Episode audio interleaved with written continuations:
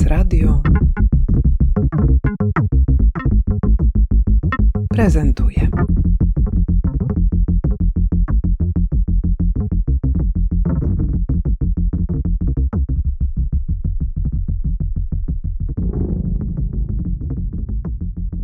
Kasper Kępiński, Narodowy Instytut Architektury i Urbanistyki, autor książki Ruch Tektoniczny i kurator wystawy pod tym samym tytułem w Instytucie Designu w Kielcach i, I? i w witrynie przy Mokotowskiej 65. To prawda.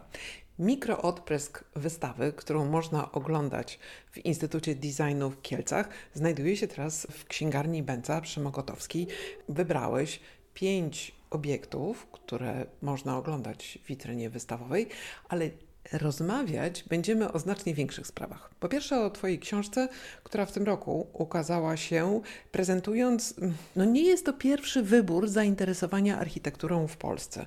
Niewiele na ten temat wiemy, niewiele wiedzieliśmy właściwie do momentu ukazania się Twojej książki. Przewodnik po powojennej architekturze województwa świętokrzyskiego. Tak brzmi rozwinięcie tytułu, a tytuł Ruch tektoniczny. Dlaczego przyszedł Ci do głowy? No jest to pierwsze tego typu opracowanie, więc dla mnie też to był nie tyle nowy temat, bo bo jestem rodzinnie związany z regionem, natomiast był to nowy temat, jeśli chodzi o, o, badania i poszukiwanie danych, poszukiwanie źródeł, bo tych rzeczywiście jest bardzo mało. W związku z tym, że był to też pierwsze opracowanie, miałem ten przywilej, żeby sobie spróbować nazwać ten ogół bardzo zróżnicowanej architektury, bo książka dotyczy zarówno budynków, które jeszcze zaczęły być budowane przed II wojną światową, ale też budynków całkiem współczesnych, ale też trudność, bo no nie ma zbiorowego opracowania na ten temat, więc wszystkie dane, jakie mogłem w książce zawrzeć, musiałem znaleźć sam lub z pomocą osób, które też uczestniczyły w kwerendzie.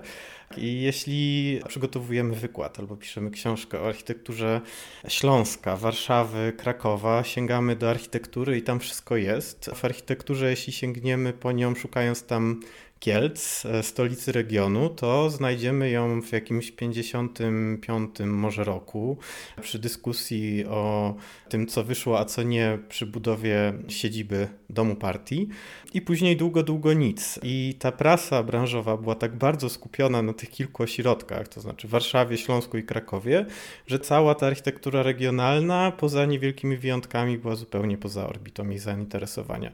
Dlatego teraz to jest e, i ciekawsze, bo po prostu tych rzeczy nie znamy. Nie, nie znamy też zdjęć czy rysunków, które na przykład w przypadku architektury modernizmu ikon Śląska, one już zdążyły nam się opatrzeć. To znaczy znamy wszystkie te ikoniczne zdjęcia. Ikoniczne zdjęcie e, Nidentala sedesowców we Wrocławiu.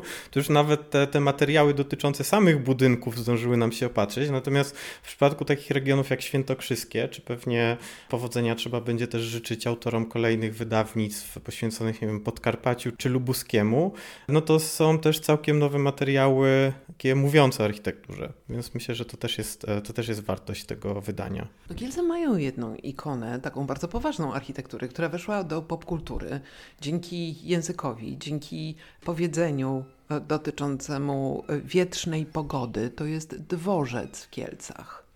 I na mapie takiego bardzo popularnego rozpoznania dokonań architektonicznych w Polsce Kielce trzymają się moim zdaniem bardzo mocno. Tak, przy czym wydaje mi się, że powiedzenie mogło dotyczyć dworca kolejowego, który właśnie przechodzi swoją e, okropną modernizację i już nie będzie dworcem, tylko biurowcem z częścią dworcową. No to też jest wartość tego typu książek, to znaczy zanim, zanim zdążyliśmy ją wydać, ten dworzec zaczął znikać i, i też e, dziś już e, w tej formie, w jakiej będzie, on by nie, pewnie nie trafił do tego typu opracowania. Więc też na spotkaniu w Instytucie Designu w Kielcach dużo mówiliśmy o tych czarnych punktach, o tym, czego, co w przewodniku jest, a czego już nie ma, albo co za chwilę zniknie. No a drugi dworzec, czyli dworzec PKS-u, to też jest taka historia o wielu, wielu możliwych interpretacjach, bo z jednej strony udało się miastu sprzedać, później odzyskać swoją ikonę tak naprawdę najbardziej kojarzoną kojarzony z Kielcami budynek, czyli to UFO, ta kopuła z charakterystycznymi świetlikami i ten dworzec wyspowy, czyli też coś w warstwie funkcjonalnej, też bardzo unikatowego. I mimo wcześniejszych planów stworzenia tam galerii handlowej, to nie doszło do skutku, ale z drugiej strony to, co powstało, czyli ta modernizacja, która się tam odbyła, ona no, niestety nie jest taka, jak byśmy może chcieli, bo kształt budynku został zachowany, oryginalna materia, ale tylko konstrukcja, taka naprawdę najbardziej głęboko ukryta została, natomiast wszystko inne zostało wymienione na nowe i to tak naprawdę jest nowy budynek w kształcie starego, który w wielu miejscach nawet nie przypomina tego wcześniejszego i e, z tych wspaniałych wnętrz, bo to też trzeba podkreślić, że Kielce miały wspaniałe grono osób zajmujących się wnętrzami. E, I tutaj Andrzej e, Grabiwoda przede wszystkim. No z tych wnętrz został taki jeden malutki fragment, który autorzy modernizacji przewidzieli. To jest mniej więcej dwa metry bieżące ściany wykończonej tłuczką porcelanową, jedna ławka i jeden słup z pukanego betonu. Koniec. A cała reszta to jest niestety współczesne okładziny, bardzo takie. No tam, gdzie mieliśmy wcześniej marmur, tam teraz mamy przecierki tynkowe rodem z Castoramy. No i to niestety jest bardzo smutny, smutny widok, mimo że oczywiście bardzo dobrze, że ten dworzec w ogóle w, nawet w takiej formie został zachowany. Ja jednak będę uparcie dążyła do tego, żebyś powiedział, dlaczego nosi tytuł ruch, ruch tektoniczny. To co, teraz uda się?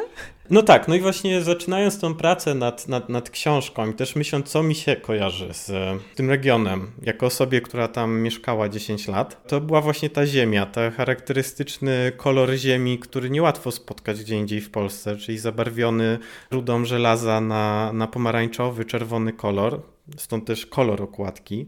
Ten łamany piaskowiec, wapień na wielu okładzinach budynków, które tam powstawały, czy czerpanie z architektury wernakularnej, ale też właśnie z tego, z tych złóż, z, z, z bogactw mineralnych.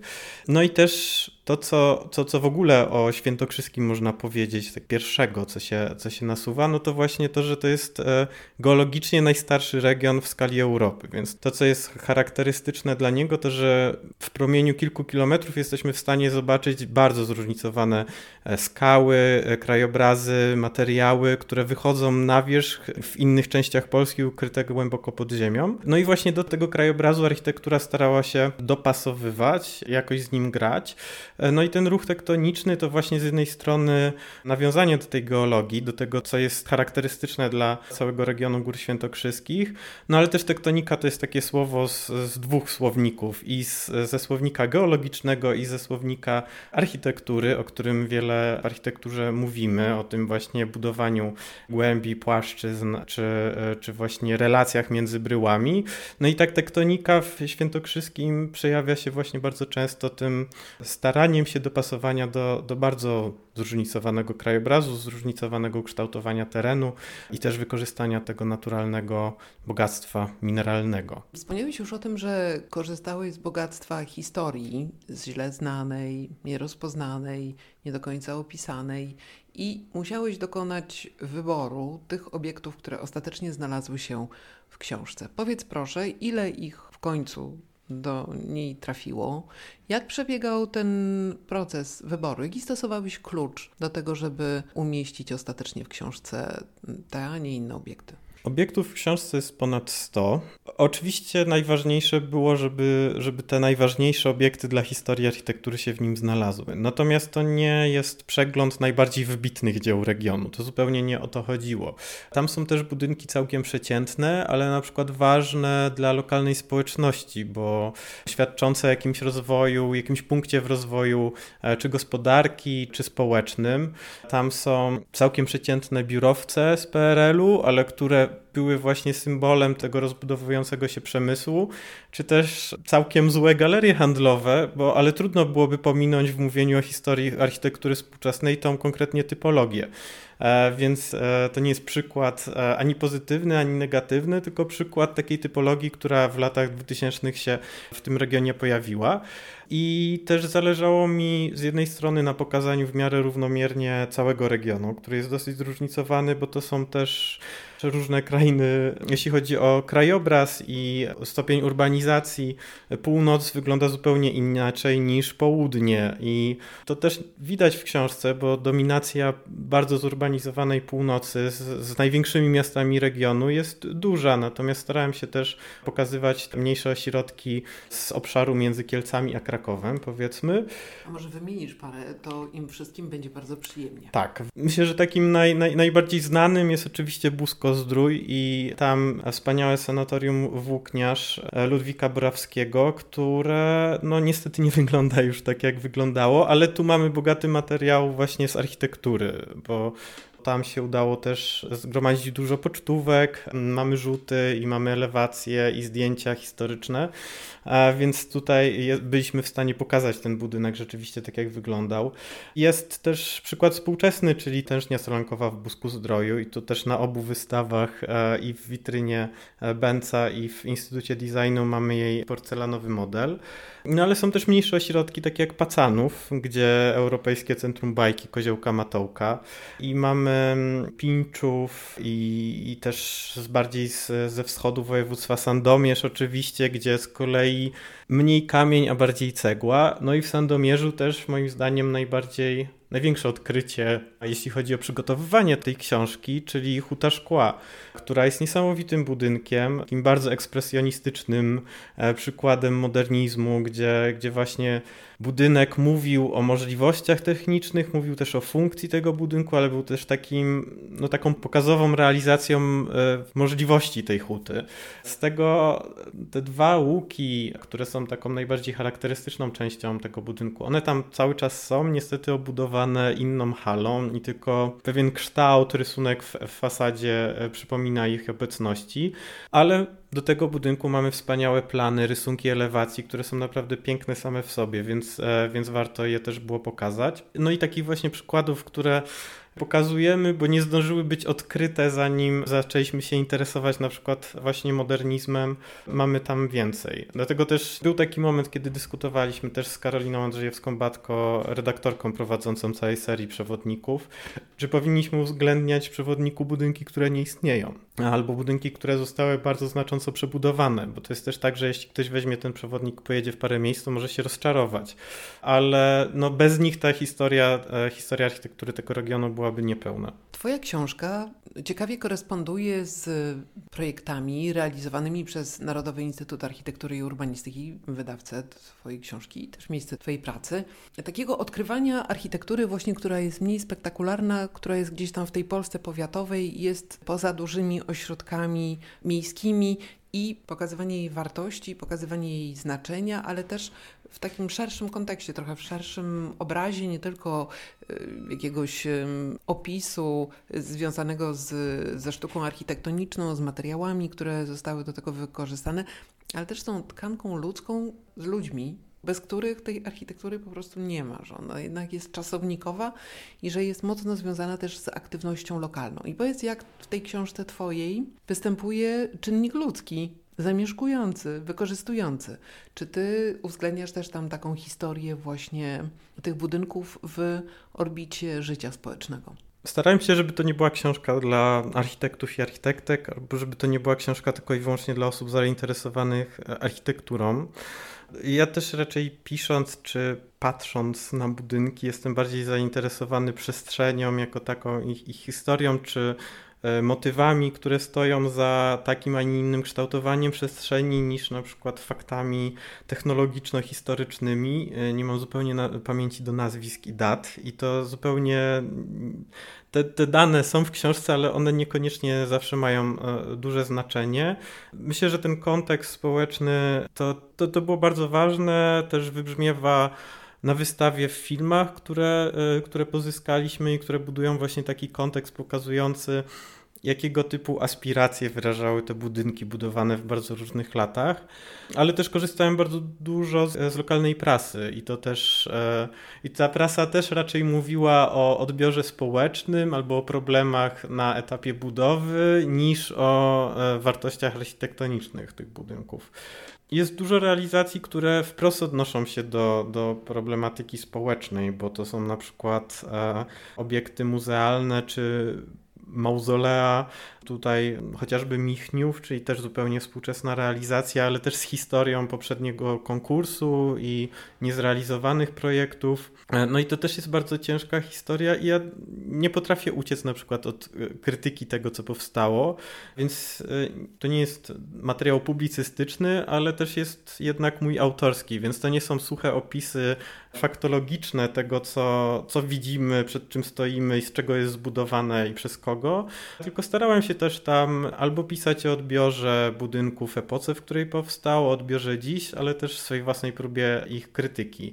Myślę, że jednak na wystawie tych osobistych komentarzy jest więcej właśnie ze względu na te materiały filmowe, na pocztówki, ale też, też pozwoliliśmy sobie po prostu na większy luz, jeśli chodzi na przykład o wykorzystanie jednego z bohaterów książki, który jest na, na samym jej początku, czyli tetrapoda, który stał się bohaterem naszych działań promocyjnych, jeśli chodzi o wystawę, ale też na wystawie go mamy, czyli zwierzątko, które zdecydowało się jako pierwsze, czy też są to najstarsze znane człowiekowi ślady e, życia lądowego na Ziemi i to się wydarzyło pod Kielcami. I to też jest bardzo lokalna historia, która jest tam bardzo mocno eksploatowana i na wystawie też staramy się to pokazywać, bo to jest, wydaje się, że te fakty są zupełnie rozdzielne, że ta historia geologiczna sprzed miliardów lat i ta zupełnie współczesna architektura, no ale to właśnie jest ta, ta charakterystyka regionu, to znaczy tam, jeśli z czegoś korzystać, to właśnie z tego, z tej dalekiej historii. I... Ale poczekaj, czy, czy to jest ta istota ta, która wyszła na ląd tak, z wody? To... jest ten, który zrobił ten błąd? Tak, to jest ten z, z tych memów e, o tym, żeby wracał do, do wody i ten, którego wszyscy winią za wszystkie błędy ludzkości, to on. E, I to się wydarzyło pod Kielcami. I on, jeśli pojedziemy na przykład do geocentrum na Wietrzni, czyli jednego z, z dawnych kamieniołomów, w którym teraz jest Centrum Edukacji o geologii, paleontologii, tam na wystawie tego tetrapoda jest bardzo dużo, ale też polecam odwiedzić ten budynek, bo myślę, że to jest w ogóle jeden z ciekawszych współczesnych budynków, jakie zrealizowano w Polsce w ostatnich, nie wiem, 20 latach. To jest naprawdę jedna z lepszych rzeczy, jakie powstały i to jest naprawdę właśnie to, to wszystko, o czym mówię, czyli to wykorzystanie materiałów, pasowanie się w krajobraz, to wszystko w jednym budynku skupia się jak w soczewce. Od książki do Instytutu Designu w Kielcach. To teraz trochę o tej wystawie. Wystawa ma budowę chronologiczną, więc zaczynamy od socrealizmu. E, oczywiście w socrealizmie mamy też rzeczy, które zaczęły być budowane wcześniej albo w czasie socrealizmu, a zostały przebudowane. E, jeśli myślimy o Kielcach i też e, wracając do tej historii społecznej, do tych problemów społecznych, to pogrom jest jedną z takich rzeczy, która się tam wydarzyła i która jest, e, jest jedną z tych dominujących narracji w historii e, najnowszej regionu. I na wystawie jedną z takich pierwszych w ogóle realizacji, jakie pokazujemy, jest synagoga w Kielcach, która swoją poprzednią taką bizantyjską formę straciła częściowo w trakcie wojny, częściowo po wojnie. Były projekty na jej odbudowę w podobnym kształcie i na funkcję, którą wcześniej pełniła, natomiast w pewnym momencie zdecydowano, że ona swoją funkcję straci. Urządzono tam archiwum państwowe e, i przebudowano na zupełnie niepozorny, socrealistyczny minimalistyczny budynek o bardzo skromnych fasadach, na którym już nie widać zupełnie tego charakteru wcześniejszego.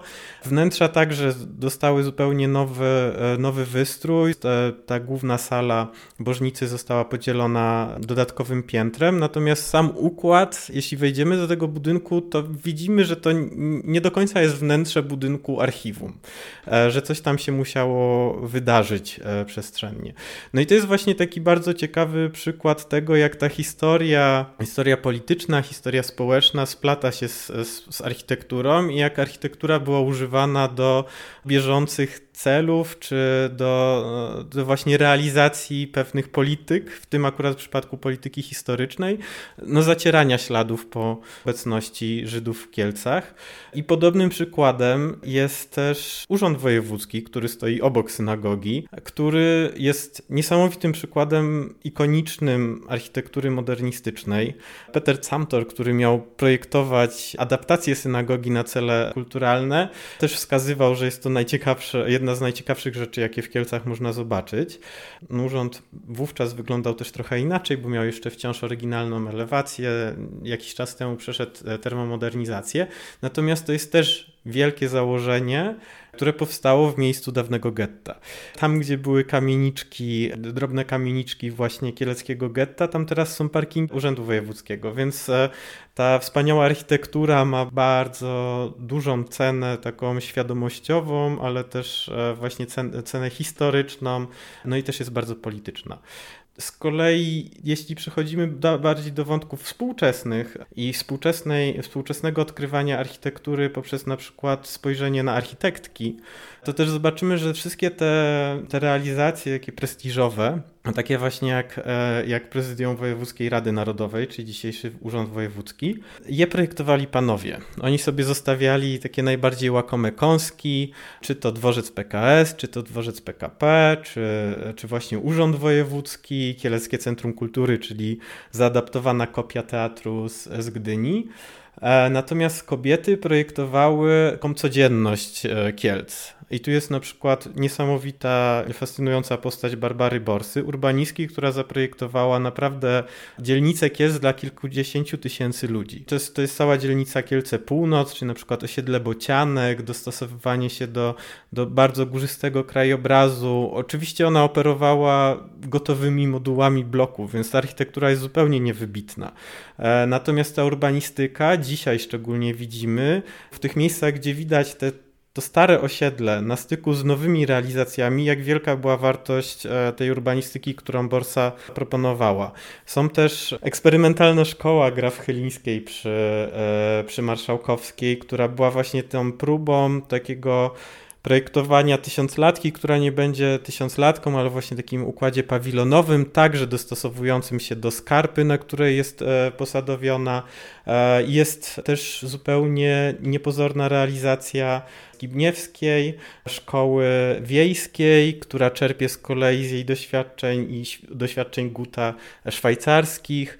E, więc na etapie realizacji wystawy był taki moment, kiedy z Martą Dachowską, e, która przygotowywała właśnie ceramiczne, e, ceramiczne makiety, zaczęliśmy się zastanawiać, bo ja pisząc książkę myślałem o tym, żeby zawrzeć historię też architektek w niej, natomiast na wystawie to już był taki dobór raczej żeby pokazać zróżnicowane typologie, różne funkcje. Oczywiście można pokazać historię architektury tylko przez kościoły i, e, i to jest jakaś pułapka, szczególnie jeśli mówimy o postmodernizmie. Natomiast szczerze mówiąc nie, nie patrzyłem na to autorstwo, czy na płeć autorek i autorów, ale przeszedłem sobie po wystawie i okazało się, że tych kobiet albo głównych projektantek, albo w, e, uczestniczących w pracach projektowych jest ponad 20. Na wystawie, na której nie prezentujemy jakoś wiele przykładów, bo to jest jednak bardzo ograniczony wybór z książek.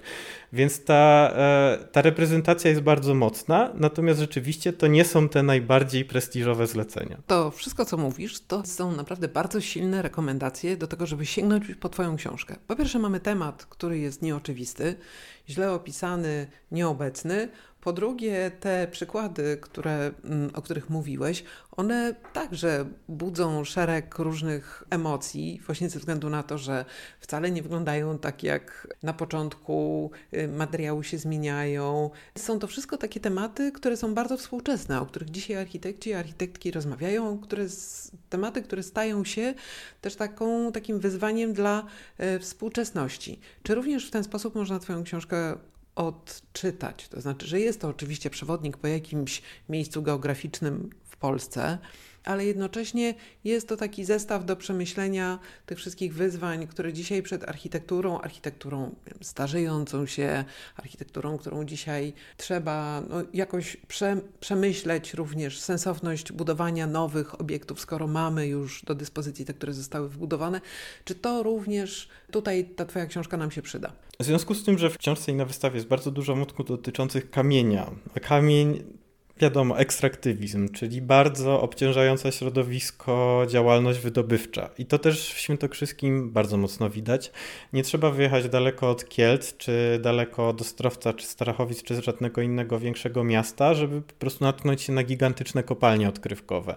To są po prostu miejsca, w których te góry, o których mówimy, one zniknęły. To znaczy, to jest te ogromne obszary przekształcania krajobrazu w taki bardzo przemocowy sposób.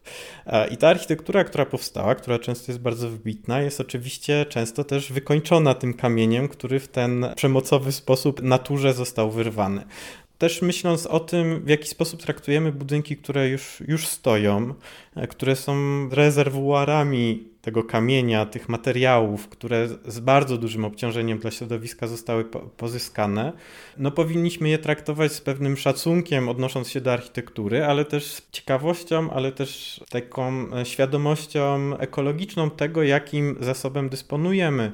I tak jak mówiłem o dworcu PKP, który jest teraz, przechodzi przebudowę, tam hala główna była e, wykańczana naprawdę kamieniem, który dzisiaj jest poza zasięgiem większości architektów. I ten kamień przy okazji przebudowy no, trafił po prostu na śmietnik. I to, ten śmietnik jest zbudowany i kosztem tego, że kiedyś jakaś góra musiała zniknąć z krajobrazu, żeby ten kamień wydobyć, a teraz budujemy kolejne góry gruzu, który pochodzi z budynków, które wyburzamy. E, podobnie przy okazji dworca PKS-u, który też przeszedł modernizację i w którym też wszystkie te okładziny kamienne a kamień to nie jest materiał, który jakoś bardzo się zużywa. One zostały wyrzucone na śmietnik i dziś mamy tam gipsokarton e, z, z ozdobnym tynkiem i jakieś panele klejone. I to jest, e, to jest wielka strata, ale też wielki potencjał, żeby spojrzeć, jakim bogactwem właśnie już nie poszukując złóż w górach, ale poszukując złóż w budynkach, jako tym, tym źródle dysponujemy. No jest też szpital miejski w Starachowicach, który i w ewidencji zabytków, i jeden z największych budynków publicznych w mieście, projekt z lat 30. I znów mamy ekspertyzy, mamy opinie ekspertów, mamy wyliczenia wskazujące, że jego adaptacja jest dużo bardziej ekonomiczna. Tu już porzucamy zupełnie argumenty takie historyczno-sztuczne, ale ze względów ekonomicznych i środowiskowych adaptacja tego budynku na cele mieszkaniowe, bo, bo tak chce miasto, jest dużo bardziej opłacalna i logiczna niż jego wyburzenie i budowanie nowych budynków w tym miejscu, ale miasto z jakiegoś względu uparło się, żeby ten budynek wyburzać. I to jest kolejny przykład tego, że no, nie, nie potrafimy patrzeć na starą architekturę właśnie jako na zasób, tylko wciąż patrzymy na nią jako na pewnego rodzaju przeciwieństwo w procesie inwestycyjnym. Bo w przypadku dworca PKS-u to oczywiście był czas, że to wszystko, to nie wiem, zdejmowanie tych płyt i ich odczyszczanie to by zajęło za dużo czasu. Ale myślę, że, że jesteśmy w momencie, kiedy ten czas i tempo, szczególnie w przypadku budynków, które stoją na przykład puste od 5 czy 10 lat, poczekanie rok więcej e, to nie jest koszt, na który nie możemy sobie pozwolić. Wszystkie te tematy i dużo więcej, jak rozumiem, znajdziemy w Twojej książce Ruch tektoniczny, przewodnik po powojennej architekturze województwa świętokrzyskiego, a także na wystawie, którą można oglądać w Instytucie Designu w Kielcach. Do kiedy? Do połowy września, a później w Muzeum Archeologiczno-Historycznym w Ostrowcu Świętokrzyskim do końca roku, a może nawet dłużej. To bardzo dobra perspektywa. Bardzo brzmi to zachęcająco. Jakie teraz masz, co teraz piszesz, powiedz? Co będzie następne? Jakie teraz... nowe odkrycie? Hmm. To jest dobre pytanie. Może po e, prostu wakacje, Kacper. E, wakacje też trochę Świętokrzyskim, bo tam będziemy jeździć, także też zapraszamy na, na wycieczki rowerowe i autokarowe i e, odkrywanie tego regionu, także z... a w wakacje też kolejna odsłona antropocenu i te wszystkie wątki ekstraktywistyczne ponownie, a tym razem w Łodzi. No i przygotowujemy projekty już na przyszły rok. Więc pierwszy raz mamy ten komfort, że, że nie musimy pracować w pocie czoła w wakacje, żeby otworzyć coś we wrześniu, bo tak się złożyło, że właśnie projekty, które przygotowujemy, będą raczej już miały swoje premiery po nowym roku. No to bardzo się cieszę, że będziesz miał e, chwilę wytchnienia. Książkę można zamówić w księgarni Będzmiana, a z Kacprem można się spotykać podczas rozlicznych edycji wystaw, które krążą po całej Polsce. Bardzo Ci dziękuję za rozmowę. Dziękuję.